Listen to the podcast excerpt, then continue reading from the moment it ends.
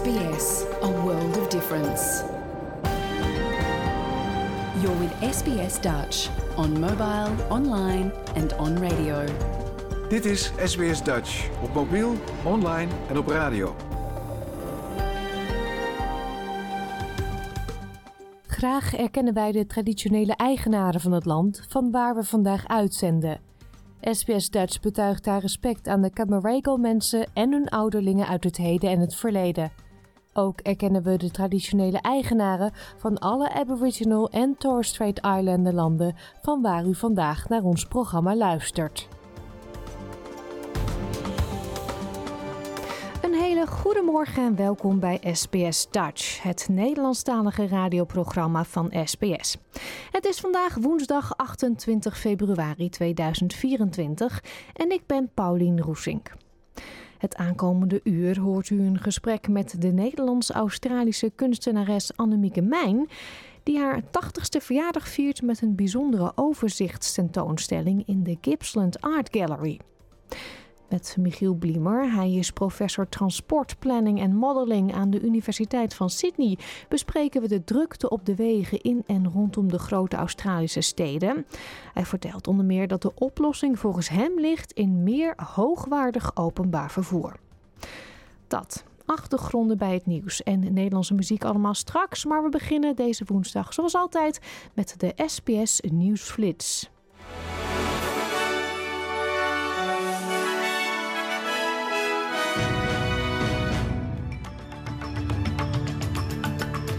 Dit is de SBS Nieuwsflits van woensdag 28 februari. Mijn naam is Paulien Roesink.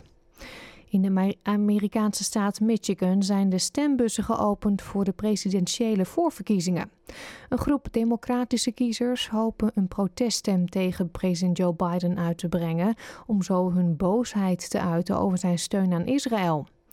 Sinds het begin van de Israëlische bombardementen op Gaza zijn er tot nu toe bijna 30.000 Palestijnen omgekomen. Dit tot onvrede van een groot aantal van de 300.000 Arabisch-Amerikaanse en islamitische inwoners van Michigan. Zij dreigen nu in november niet voor Biden te stemmen als hij niet stopt met het financieren en ondersteunen van Israël. Oppositiesenator Jane Hume zegt dat Australiërs die het financieel moeilijk hebben, de nieuwe belastingverlaging van de regering zullen waarderen, maar dat dit niet genoeg is om de gebroken verkiezingsbelofte van premier Anthony Albanese goed te maken. De aangepaste derde fase van het belastingpakket van Labour is goedgekeurd door de Senaat, nadat het eerder deze maand door het Lage Huis werd aangenomen.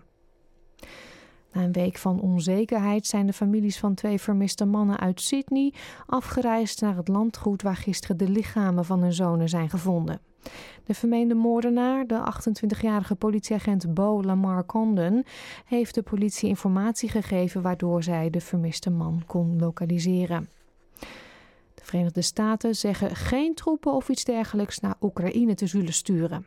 De Franse president Emmanuel Macron zei tijdens een conferentie met 20 Europese leiders in Parijs dat hij de mogelijkheid openlaat om troepen naar Oekraïne te sturen. Het Kremlin reageerde op deze opmerkingen en zei dat een oorlog met de NAVO als geheel onvermijdelijk zou zijn als dit gaat gebeuren. In Nederland dan, Ridouan Taghi moet levenslang de gevangenis in.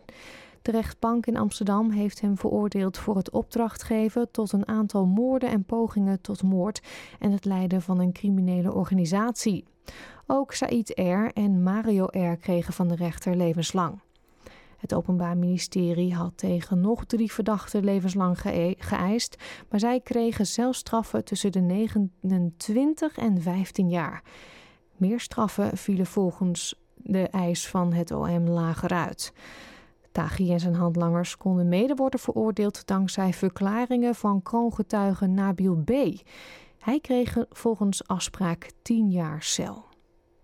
Tot zover deze nieuwsflits. Volg de SBS podcast voor meer nieuws en achtergronden of bezoek onze website www.sbs.com.au/dutch.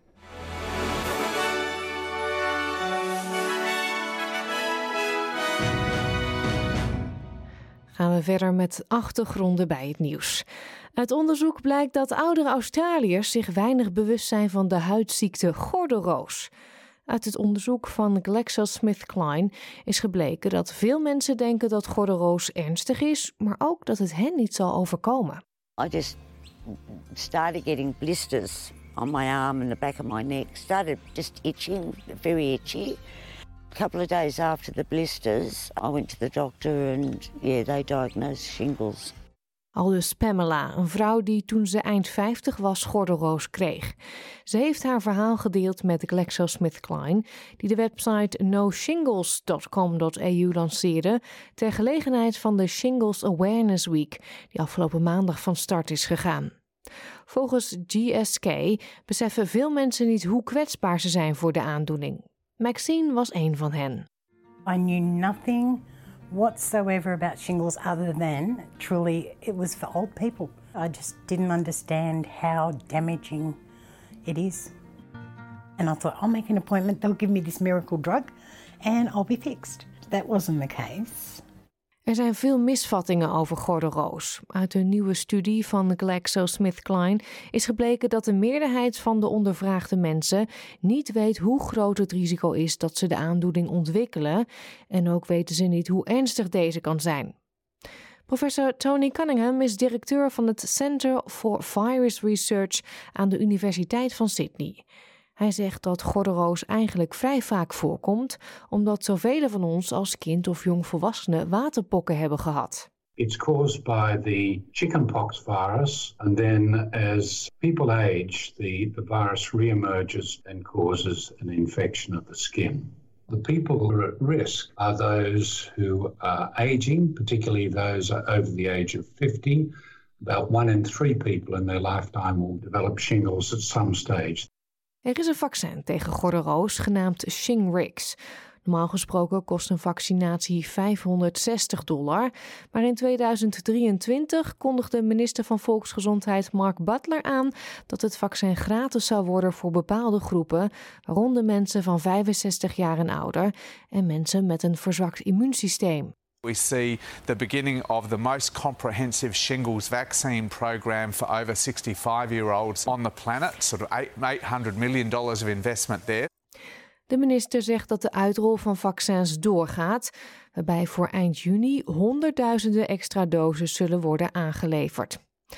Dr. Megan Campbell van de National Aboriginal Community Controlled Health Organization vertelt aan SBS Nieuws dat ook First Nations people zijn opgenomen in het vaccinatieprogramma. We know that Aboriginal and Torres Strait Islander adults are more likely to get shingles and more likely to get it at a younger age. And the new vaccine is safer and effective, more effective than the last one that we had. And importantly, Aboriginal and Torres Strait Islander people can get a free two-dose course from the age of 50. Professor Cunningham zegt dat het ten zeerste aanbevolen is om met uw huisarts een gesprek te hebben over gordelroos. It's really important to be aware of the risk of shingles and discuss it with your local doctor and discuss it in your family, particularly with the aging members of the family who may not be aware of the risk of shingles. In de tussentijd staan al Pamela's plannen in de ijskast in afwachting van haar herstel, zo vertelt ze. I work three days a week. Three hours, it's like I have to come home and sleep. And there's not much, especially with the paralysis of this arm, there's not much I can do. And it's devastating and it's frustrating. And I was going to retire and then start travelling. But unfortunately, I'm sort of stuck here now because of shingles. Because of this pain, I just can't go anywhere at the moment. Maxine heeft goede hoop dat door zich uit te spreken over gordelroos het bewustzijn kan worden vergroot. I wish I could tell everyone. I just want them to know, you know, how bad it is. I am so looking forward to getting back into my kitchen and creating masterpieces. Getting back into the garden, just enjoying going for a walk. Going for a walk in the sunshine would be amazing.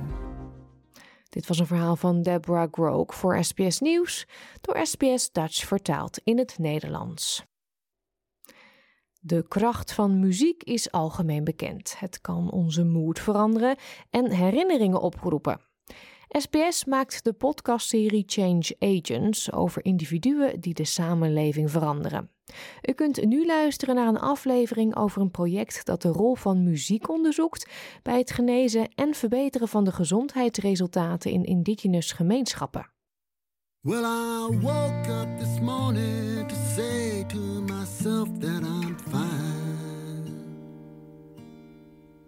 As I looked out the window and I watched my life pass on by. And it mystifies me as to why I'm feeling this way. Dat is Nowhere to Hide van zanger en muzikant Paul Ai Chi. Later meer van Paul en zijn muziek. We hebben allemaal herinneringen gelinkt aan muziek.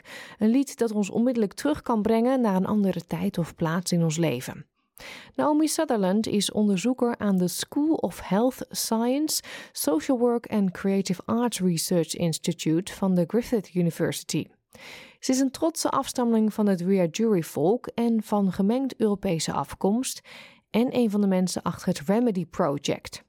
Het is een episch onderzoek naar de rol die muziek speelt bij het verbeteren van de gezondheidsresultaten in indigenous gemeenschappen. So we're actually looking at how music can shape um, people's experiences of health, well-being, and healing.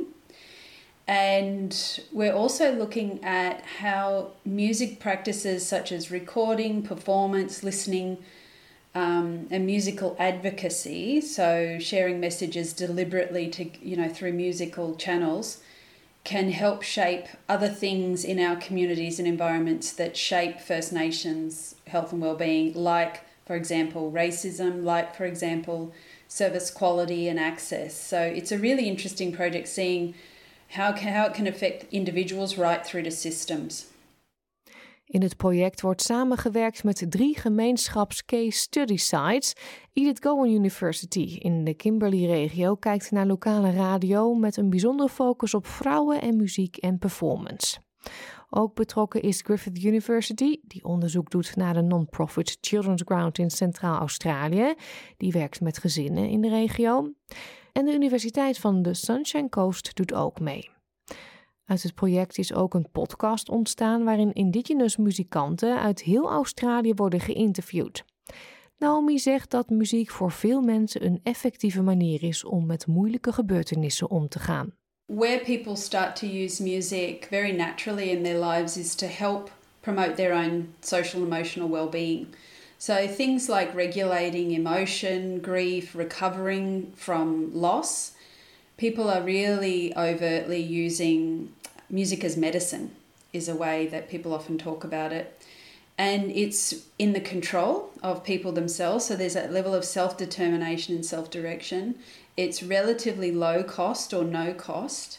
And oftentimes it includes music listening. So, really, over, you know, um, ways that sort of run along the lines of traditional grieving practices, but are not limited to that.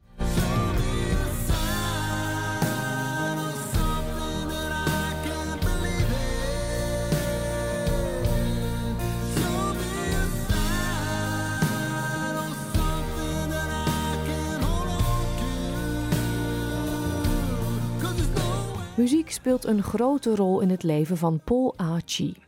Paul is een inwoner van Alice Springs, van Aboriginal Chinese en Europese afkomst en naast zanger en muzikant ook zakenman en gemeenschapswerker.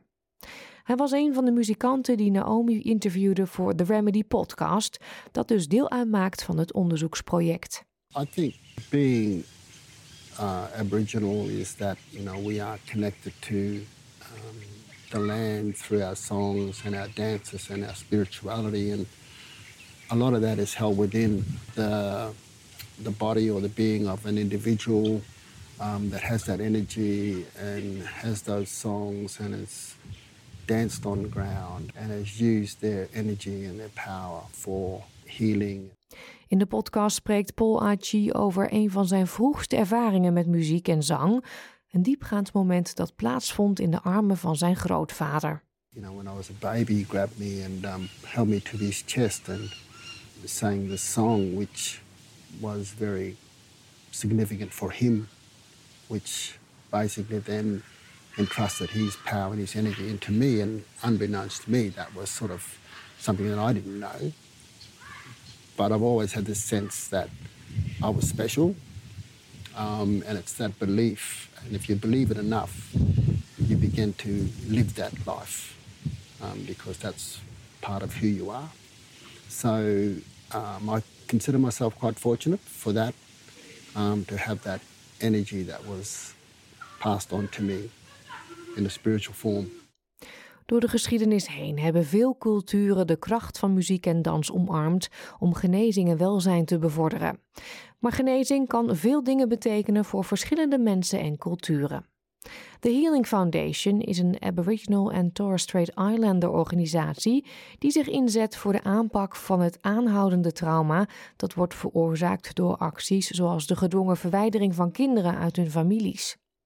Het definieert genezingen als een holistisch proces dat mentale, fysieke, emotionele en spirituele behoeften aanpakt en verbindingen met cultuur, familie en land omvat. Naomi Sunderland zegt dat het definiëren van het genezingsproces ook een belangrijk onderdeel is geweest van het Remedy Project. We realized quickly we had to add the word healing on when talking about First Nations health and well-being. And for me, healing is really well defined by people like Helen Milroy and others as coming home, um, feeling a sense of well being, of recovery, of peace, um, even amid multiple and ongoing forms of oppression and adversity in our lives. So often healing is associated with words that start with RE, like recovery, remembering, recovering, revitalizing. It's about coming home, um, reclaiming um, cultural practices and rights, and also, you know, finding that space to stand steady on country and bring back all of those things that help make us feel well, healthy, and happy that are already readily available. You know, sort of the natural resources or the natural and cultural remedies for our health and well-being.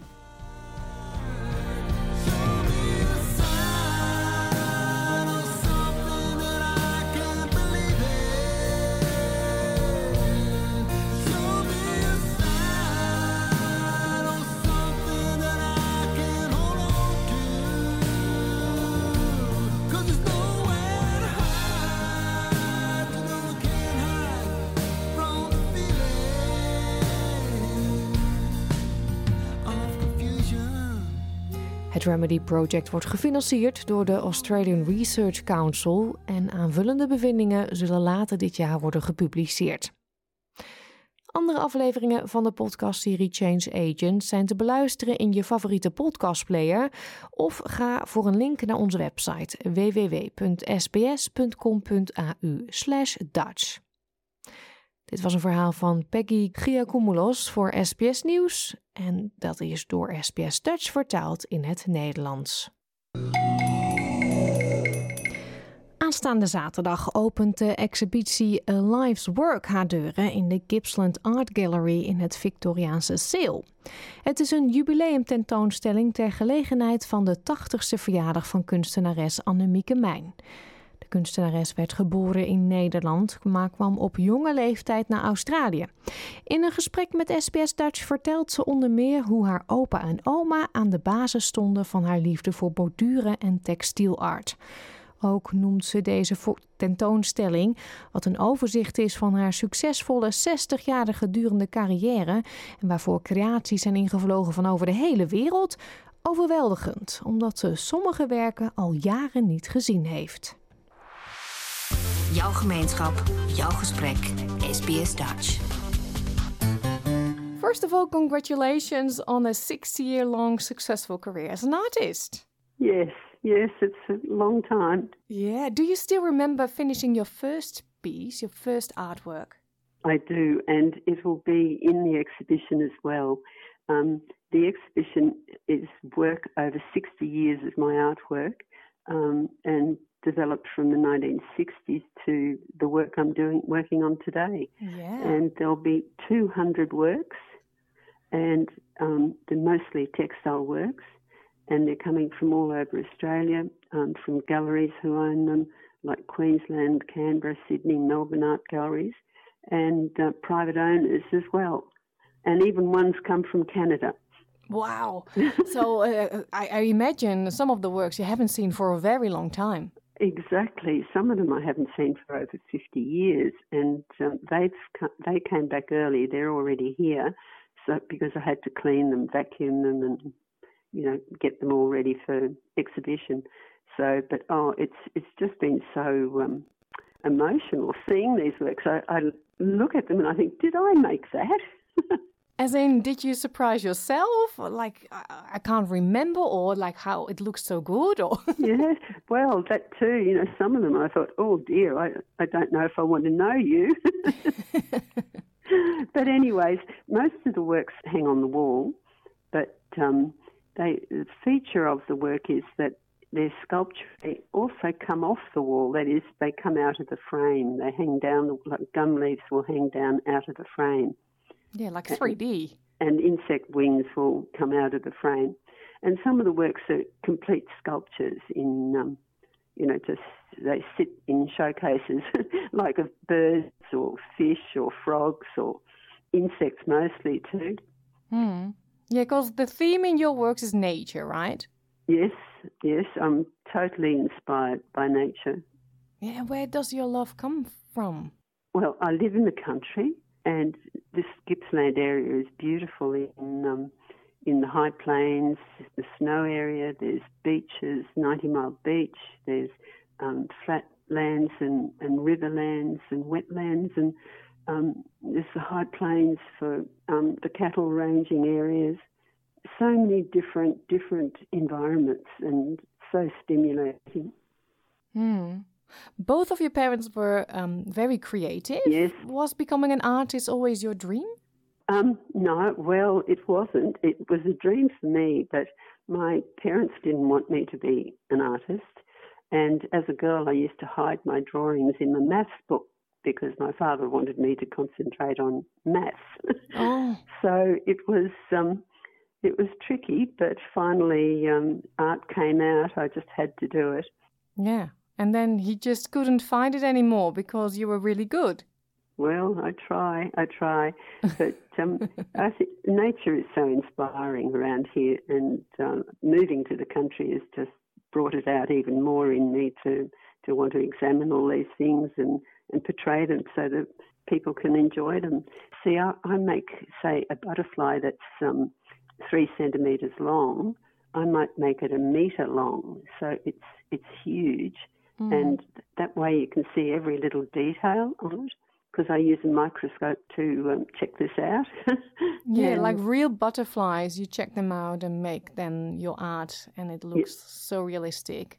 Yeah, well, I try. I try my best, and it's beautiful with textile. You see, with fabric, you you can bring out those lovely textures in an insect. Like you wouldn't believe how, say, a beetle wing has all the lumps and bobs and little hairs and things on it.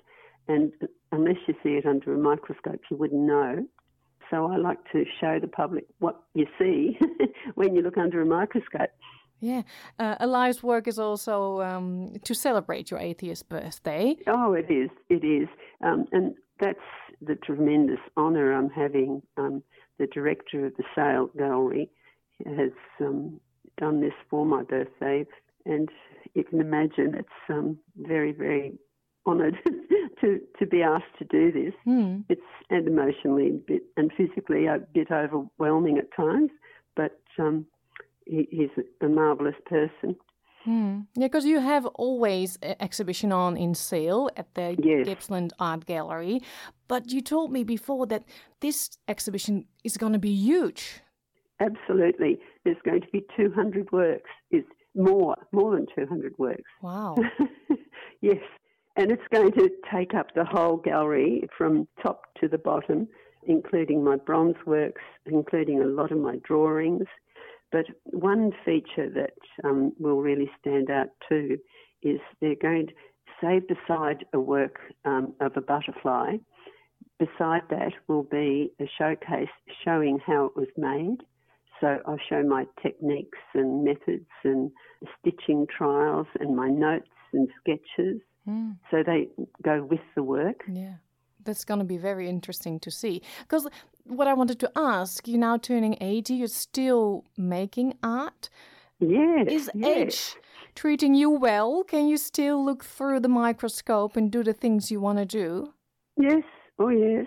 The last work that's going in the show made it, it's still under construction and it's going in there as a work in progress so that people can see what a work looks like before it's all stitched. It's only partly stitched and the rest is all pinned together and tacked together and that's the work I'm working on. So while the exhibition's on, I can't work on it. no, oh no, what are you going to do? anyway, what what I'll describe the work. Um, it's um, about eight feet long and four feet wide. It's huge, and it's all of bogon moths. I don't know if you know bogon moths, but no. they're, they're the moths that that in summer, they go into the caves up in um, the Bogon Ranges in Sydney there and in um, Victoria in the Alpine Ranges.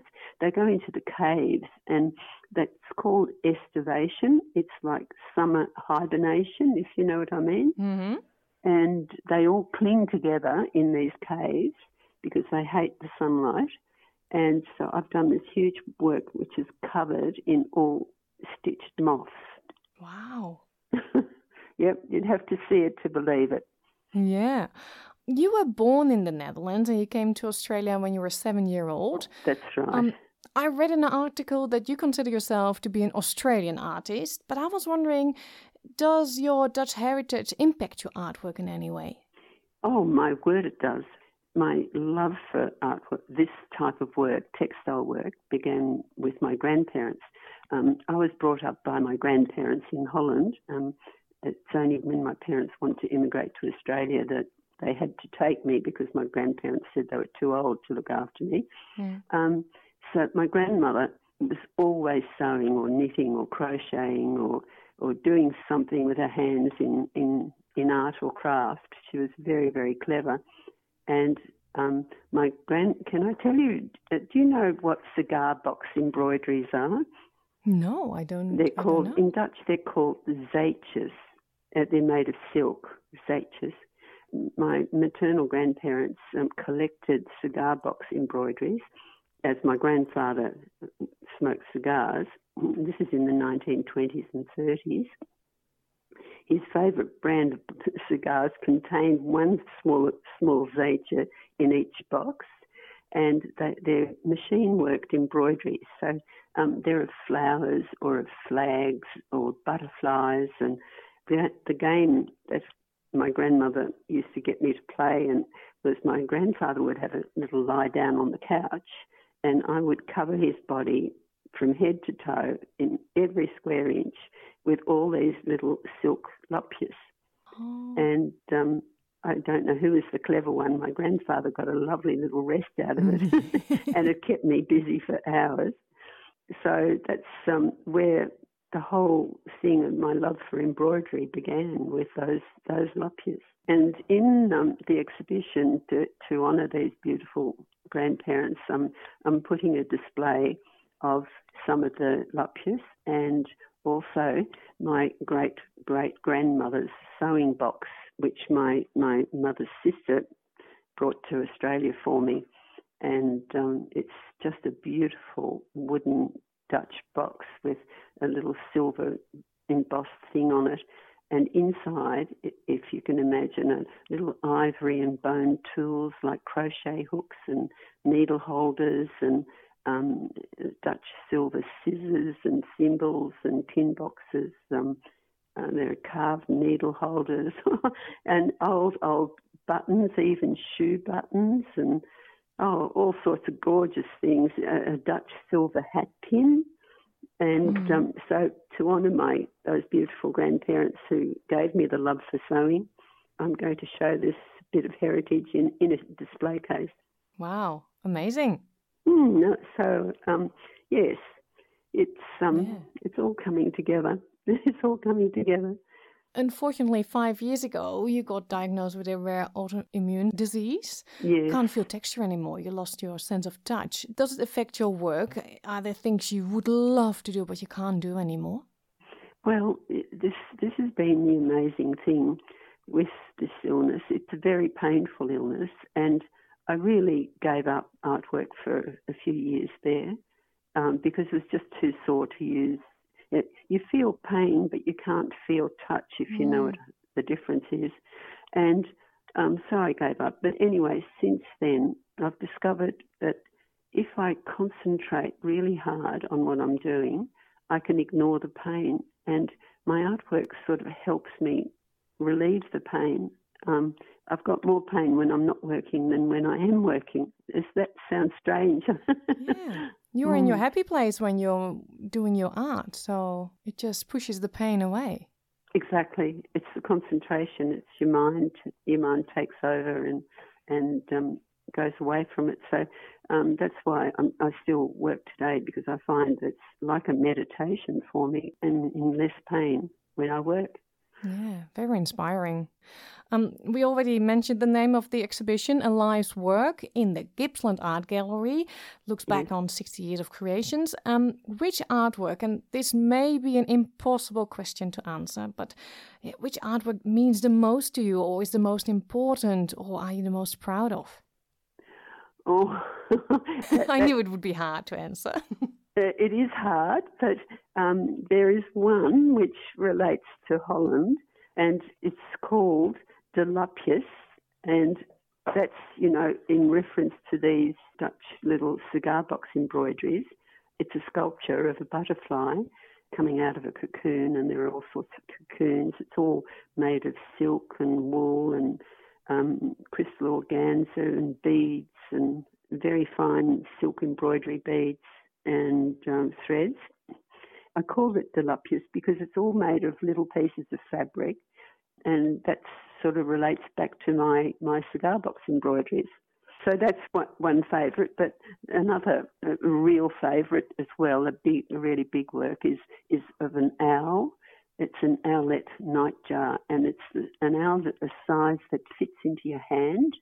Uh, it's so small, the, Australia's smallest owl, and it's sitting in a hollow tree, looking out at the world. And its claws are really tiny little pink, delicate things. And the work when you walk past it, the owl's eyes follow you. So you can go and the owl will stare after you. And the work is about six feet long. So you can imagine it's not a tiny little owl. Like in real, it's a huge owl. Yeah. Is this gonna be your last exhibition ever, or are you still full of? Um, I mean, eighty years. Uh, it's maybe time to just enjoy other things too. well, it'll be my last big exhibition, yes, but I'll keep up for the gallery. I put on um, an exhibition that changes every few times a year. Yeah, and I enjoy it. I enjoy showing my new work, you know, that I've made. So yeah, it's gonna be um, the place to be for people who really enjoy your work textile. and textile art. Ex- exactly, um, over two hundred pieces. That's that's huge. Such a great celebration of your career. It is. It is. As I said, it's overwhelming. Ja, bent u nou geïnteresseerd? Op onze website www.sbs.com.au Dutch staat een foto van de zijtjes waar Annemieke het over had en ook van de naaibox van haar oma.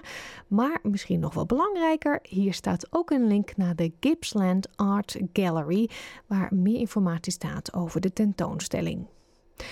Het is bijna vijf over half twaalf. We gaan verder met muziek van Boudewijn de Groot. Dit is Verdronken Vlinder. Het is erg druk op de wegen in en rondom Sydney en daarom worden er extra rijstroken en tunnels gebouwd. Maar is dit dé oplossing?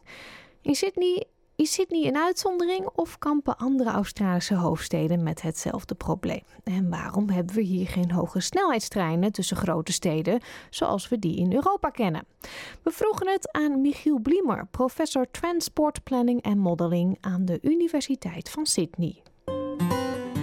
SBS Dutch, woensdag en zaterdag om 11 uur ochtends of online op elk gewenst tijdstip.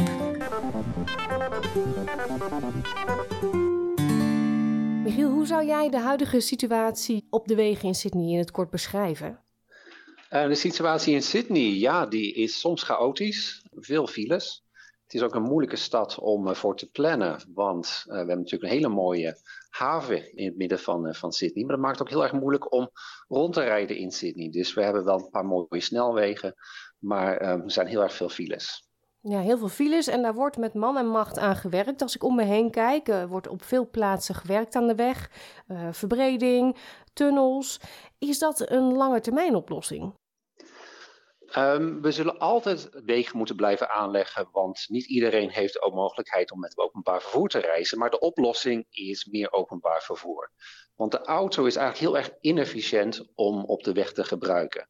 Je kunt er maar per voor één, um, één rijstrook maar een paar duizend mensen per uur verplaatsen. Terwijl met een trein heb je het echt over 80.000 per uur over dezelfde um, hoeveelheid van een rijstrook. Hmm. En met dat soort hoogwaardig openbaar vervoer, zoals de trein en de metro en misschien ook een tram, daarmee kunnen we toch veel meer mensen verplaatsen op dezelfde, uh, met dezelfde hoeveelheid um, van, van landmassa. En dat is de enige manier op een stad die groeit, zoals Sydney en ook andere steden in Australië, om daar tegenaan te kunnen bouwen. Dus we moeten eigenlijk allemaal het openbaar vervoer in. Niet iedereen kan dat, dus er zullen altijd extra wegen worden aangelegd. Maar het antwoord is meer openbaar vervoer. Ja, en nou noem jij die andere steden in Australië. Kampen die met hetzelfde probleem? Ja, die kampen met hetzelfde probleem, maar in mindere mate. Dus als je kijkt naar het openbaar vervoergebruik in, in Sydney, is het hoogste in Australië. Als je kijkt naar bijvoorbeeld Brisbane, is een stad met veel minder openbaar vervoer. Dat is ook een heel lastige stad, want het is meer uh, heel veel laagbouw. In Sydney heb je een paar delen in, in de stad die um, hoge dichtheid zijn. En als je hoge dichtheid hebt, kun je dus goed treinstations bouwen en daar dus veel mensen uh, ophalen. Maar als je een stad als Brisbane kijkt, dat relatief laag is, laag, lage dichtheid, dan is het heel moeilijk om daar een grootschalig uh, treinnetwerk aan te leggen. Ja, dat is niet rendabel. Dat is niet rendabel, nee, want dan leg je een station aan in een woonwijk waar alleen maar enkele huizen staan. En dan is je wat, wat we noemen de catchment area, het aantal mensen dat naar het station kan komen, relatief klein. Ja, is dat dan ook meteen het grote verschil tussen bijvoorbeeld Nederland en Australië als je daar dan uh, de netwerken bekijkt, uh, zowel auto als openbaar vervoer? In Nederland, zoals veel mensen weten, is het eh, enorm goed geregeld. Uh, elke tien minuten komt er wel een intercity voorbij, of in ieder geval elk half uur. Uh, je kan alle kanten op in Nederland. En dat is hier wat lastiger, doet ook allemaal wat langer. Ja, dat is inderdaad het grote verschil tussen, tussen Sydney of Australië en Europa en ook Amerika. In Europa hebben we vrij oude steden, die hebben hoge dichtheid. Er zetten niet zo heel veel enkele huizen, maar vaak drie of vier lagen veel appartementen ook vaak. En door die hoge dichtheid kun je dus hoogwaardig openbaar vervoer aanleggen. Je kan trams aanleggen, je kan metro's aanleggen. En dat zie je vooral in steden zoals Parijs en Londen, die hoge dichtheid hebben, dat daar een heel goed openbaar vervoernetwerk mogelijk is vanwege die hoge dichtheid. Als je kijkt naar Amerika, is het tegenovergestelde. Het is een, echt een, uh, een autogebaseerd land heel uitgestrekte grote steden, lage dichtheid. En daar kunnen ze eigenlijk bijna geen openbaar vervoernetwerk aanleggen dat rendabel is. Australië zit daar precies tussenin, met dichtheid, met ook met openbaar vervoer. Dus we hebben niet de dichtheid van Europa, maar we hebben ook niet de lage dichtheid van Amerika. Dus wat Australië nu aan het doen is, bijvoorbeeld in, in Sydney, is bepaalde woonwijken te laten groeien uh, de hoogte in. Dus bijvoorbeeld Green Square is zo'n zo'n wijk waar ze dus heel veel meer huizen aan het bouwen zijn. Vooral niet huizen, maar appartementencomplexen aan het bouwen zijn. Hmm. Nog even over de wegen, hè? want um, volgens mij is daar ook een heel groot verschil tussen Nederland en Australië. In Nederland hebben we de regering in Den Haag en die beslist over onze wegen, toch? Um, de regering in Den Haag heeft een hele grote zeg in wat er gebeurt met alle wegen in Nederland. Dat klopt. Dus de voornaamste wegen die worden aangelegd in Nederland zijn de snelwegen tussen de steden. Hmm. En dat is anders in Australië, waar vooral de wegen die worden gebruikt, dat zijn de wegen in de stad. En die worden vooral beheerd, de grote wegen, zoals WestConnex die in Sydney hebben, door de staat. En de staat heeft dus de zeggenschap over waar de grote wegen worden aangelegd. Terwijl de lokale burgemeesters, die hebben de zeggenschap over bijvoorbeeld waar de fietspaden worden aangelegd. En we hebben ook nog een, een federale overheid die een pot met geld heeft waar ze kunnen investeren bijvoorbeeld in wegen tussen de staat of de grote, de grote wegen die worden aangelegd in een staat. Hmm. En dat maakt het ook wel lastig, want die moeten allemaal met elkaar communiceren. En nu zijn het niet altijd met elkaar eens. Nee, en in verhouding heeft de staat dus heel veel macht. De staat heeft de meeste macht, die heeft ook het meeste, meeste geld, maar dat gaat vooral op naar openbaar vervoer. Terwijl de federale regering vaak geld ook inlegt voor de wegen. Ja, we hadden het dus net openbaar vervoer. In Nederland zie je toch ook vaak dat er ehm, een weg wordt aangelegd naar een PNR-gelegenheid. Uh, dus dat is een plek waar je je auto kan parkeren. En dan stap je daar op de trein of de tram naar je bestemming. Um, waarom zien we dat hier niet? Ja, dat is een goede vraag. Want het zou hier prima kunnen. Um, het is toch iets wat bij veel mensen niet echt in het hoofd zit dat ze naar, naar een treinstation rijden om daar dan de trein te pakken. Het is hier veel normaler als ze eenmaal in de auto zitten, dan gaan ze naar de eindbestemming toe. Ik denk dat het deels komt doordat parkeren in Nederland heel erg ontmoedigd wordt. Dus op heel veel werkplekken is er heel erg beperkt parkeerplek beschikbaar. En daardoor moeten mensen vaak dan wel met de trein naar hun werk toe gaan. Terwijl hier zijn er heel veel parkeerplekken vaak toch nog bij de werkplek beschikbaar. En mensen kunnen dus daar met de auto heen. Dus ik denk dat ze twee dingen moeten doen. Misschien moeten ze kijken naar parkeerbeleid op de bestemmingen. Maar ook kijken naar de parkeergelegenheid bij de treinstations. Want die zijn er vaak nu ook niet. Hmm. En als we dan toch over de trein hebben, we pakken toch weer even Sydney als voorbeeld, want voor de Universiteit van Sydney, daar werk jij, dus dat is je werkgebied. We hebben Sydney, een hele grote stad, en dan heb je aan de bovenkant op 2,5 eh, uur rijden Newcastle en naar beneden heb je Wollongong, Kiama, die kant op. Als je vanuit die steden naar de stad wil, want dat kan natuurlijk ook een oplossing zijn, meer mensen buiten de stad laten wonen, dan duurt dat heel erg lang voor je in de stad aankomt. Terwijl je in Nederland eh, binnen twee uur en drie kwartier van Amsterdam naar Parijs reist. Ja, dat klopt helemaal. Het is echt een drama om vanuit vooral Newcastle naar Sydney te komen. Dat duurt drie uur per trein. Met de auto duurt het twee uur. Terwijl het in Nederland eigenlijk het omgekeerde is. Als je met de trein gaat, ben je doorgaans veel sneller dan met de auto. En dat komt omdat hier de, de treinen gewoon niet uh, geschikt zijn voor hoge snelheid te rijden. Daar zijn ze wel over aan het nadenken. En dat noemen ze dan fast rail, snelle trein. Geen hoge snelheidstrein, maar fast rail. Ja. En door de, bijvoorbeeld Newcastle te verbinden met Sydney en ook Wollongong met Sydney met door een fast rail, kan je de reistijd hopelijk heel veel verkorten. Dat het veel sneller wordt dan met de auto. En dan krijg je echt concurrentie met de auto. Maar die is er op dit moment niet. Nee, nee. Is dat iets omdat dus Australiërs zo vastgeplakt zitten aan die auto? Die, die willen ook niet in de trein? Ik denk dat sommige mensen wel willen, maar omdat het nu de, het alternatief openbaar vervoer zo slecht is, dat ze daar dus nu niet voor kiezen. Dus ik denk door meer investering in openbaar vervoer, maar ook hoogwaardig openbaar vervoer, dus heb ik niet over bussen, maar echt over trein en metro en snelle treinen. Ik denk dat we daar toch wel een heel groot verschil kunnen maken. Ja, um, nou is jouw werk om um, wiskundige voorspellingsmodellen te maken, om er hierop los te laten. Uh, wat zeggen die modellen jou? Wat is jouw oplossing? Ja, de modellen geven niet de oplossing, die geven meer het resultaat van oplossingen die andere mensen bedenken. Bijvoorbeeld als mensen denken van nou, dit is een nieuwe snelweg die moet uh, inzetten, dan kan mijn model voorspellen wat er dan gebeurt. Dus hoeveel mensen gaan naar het openbaar vervoer, hoeveel mensen blijven in de auto en hoe verschuiven de files. Um, modellen zijn altijd heel erg lastig met voorspellingen. Dat hebben we ook gezien in, in Sydney recent met de Roselle Interchange. Er zijn heel veel problemen mee, want ze hebben een grote weg aangelegd. En ze dachten dat het heel veel files zou oplossen. En dat blijkt dus niet het geval te zijn. Mensen zijn heel erg onbekend met de nieuwe situatie. En wat er nu gebeurt, is dat er heel veel mensen nu de snelweg opgaan. Meer mensen nemen nu de auto. Maar die worden allemaal op een enkele strook of op een beperkt aantal stroken geleid dat tot heel veel files leidt. Dus hoe meer wegen we aanleggen, hoe meer mensen je trekt naar de auto, hoe ook soms je meer files creëert. En dat kan een model voorspellen. En ik denk in dit geval dat het model niet de juiste aannames had gemaakt. Nee, nee. Nu uh, zijn mensen niet zo blij, hè? want die dachten, nou, dat is de oplossing en dan staan ze nog langer in de file. Ja, het is alleen maar eigenlijk erger geworden, ja. Ja. Heb jij um, zicht op hoe overheden hier in Australië op de lange termijn, uh, hoe ze daarmee omgaan. Um, ik wil graag een voorbeeld geven. Hè. Uh, jaren geleden had Sydney uh, een, een groot tramnetwerk. Volgens mij het grootste ter wereld zelfs. Ja, klopt. En dat is er destijds allemaal uitgesloopt om het nu dan weer te moeten opbouwen in de stad. Ja, dat is heel erg. Um, want dat hadden ze dus niet voorzien. Ze dachten van, en dit is al, al jaren geleden, dat de, de auto is het nieuwe juiste vervoersmiddel voor iedereen. Want dat is progressie. We konden allemaal een auto betalen. Dus die trams moesten er maar uit. Dat is allemaal voor de lage inkomens. Maar nu weten we dat het dus gewoon niet past. We kunnen niet iedereen met auto laten rijden, want de wegen zijn daar gewoon niet op berekend. We hebben niet genoeg ruimte in de stad om iedereen met auto te laten rijden. Dus nu zijn we weer allemaal trams aan het bouwen in Sydney. En die lange termijn kijken is toch wel iets wat we over na moeten denken. En wat in ieder geval nu de staat van New South Wales doet, is die probeert een visie neer te leggen hoe ze de stad uh, bekijken.